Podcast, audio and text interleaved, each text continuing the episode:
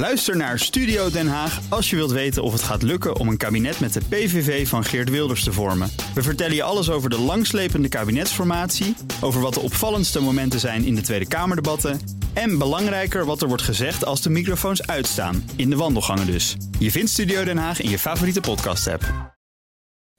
De column van Jaap Jansen.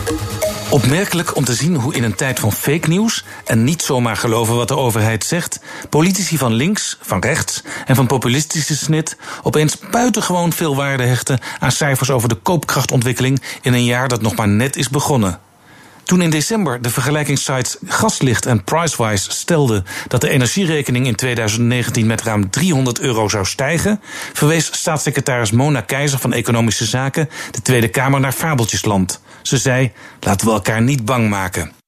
Dat was dom, want toen al was bekend dat haar ministerie zich op verouderde cijfers baseerde. Het Planbureau voor de Leefomgeving was zo druk met het maken van langetermijnberekeningen voor de ambitieuze klimaatdoelen in de komende tientallen jaren, dat er voor de heel korte termijn even geen tijd was.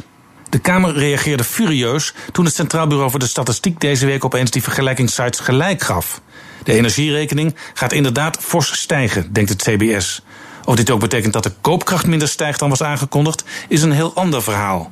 Het onafhankelijke Nibud zegt sussend dat er niets verandert aan de aanname dat 96% van de mensen er dit jaar op vooruit gaat. Toch waren alle partijen boos op het kabinet, en terecht.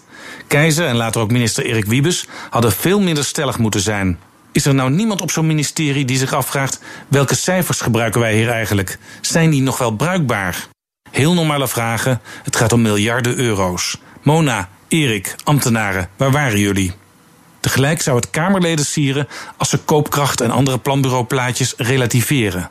Die cijfers komen namelijk nooit helemaal uit. Ze zijn wel nuttig, want ze geven een indicatie. En als je moet kiezen tussen beleidsopties, is het handig een idee te hebben van de effecten. Koopkrachtontwikkeling is interessant. Maar de meeste mensen merken 1 of 2 procent verschil niet eens. Van veel grotere betekenis is het effect van een nieuwe baan na een tijdje werkloos te zijn geweest zoals veel Nederlanders de afgelopen tijd overkwam. Dan gaan veel mensen er meteen 30 of 40 procent op vooruit. Dat is pas echt verbetering en dat zie je niet in die cijfers. Ondertussen is het mooi om te zien dat partijen als VVD, CDA en PVV, die in 2017 nog weigerden hun verkiezingsprogramma's door te laten rekenen door het Planbureau voor de Leefomgeving, opeens reuze begaan zijn met de cijfers van dat bureau.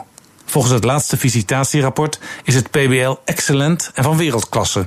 Maar het is ook een jong bureau met relatief nieuwe rekenmodellen. Dit soort cijfers is nooit heilig, dat kan ook niet bij prognoses. En dan helemaal niet als die gebaseerd zijn op oud materiaal, omdat het PBL niet alles tegelijk kan. Maar dan moet het kabinet dat ook netjes zeggen tegen de Kamer. Want niemand is erbij gebaat als het deel van de kiezers dat toch al grote twijfels heeft bij al die hocuspocus in Den Haag, bij zichzelf denkt: zie je wel. En dat zei Jaap Jansen, onze columnist van donderdag. En u kunt zijn column en alle andere columns van alle columnisten terugluisteren op bnr.nl en in de BNR-app. En kijk ook eventjes naar, of luister moet ik zeggen, naar de podcast. Ook Hugo Reitsma vind je in de BNR-app. Superhandig die BNR-app. Je kunt alle programma's live luisteren, breaking nieuwsmeldingen. Je blijft op de hoogte van het laatste zakelijke nieuws. En je vindt er alle BNR-podcasts, waaronder natuurlijk de belangrijkste, Boeken zijn in de wijk. Download nu de gratis BNR-app en blijf scherp.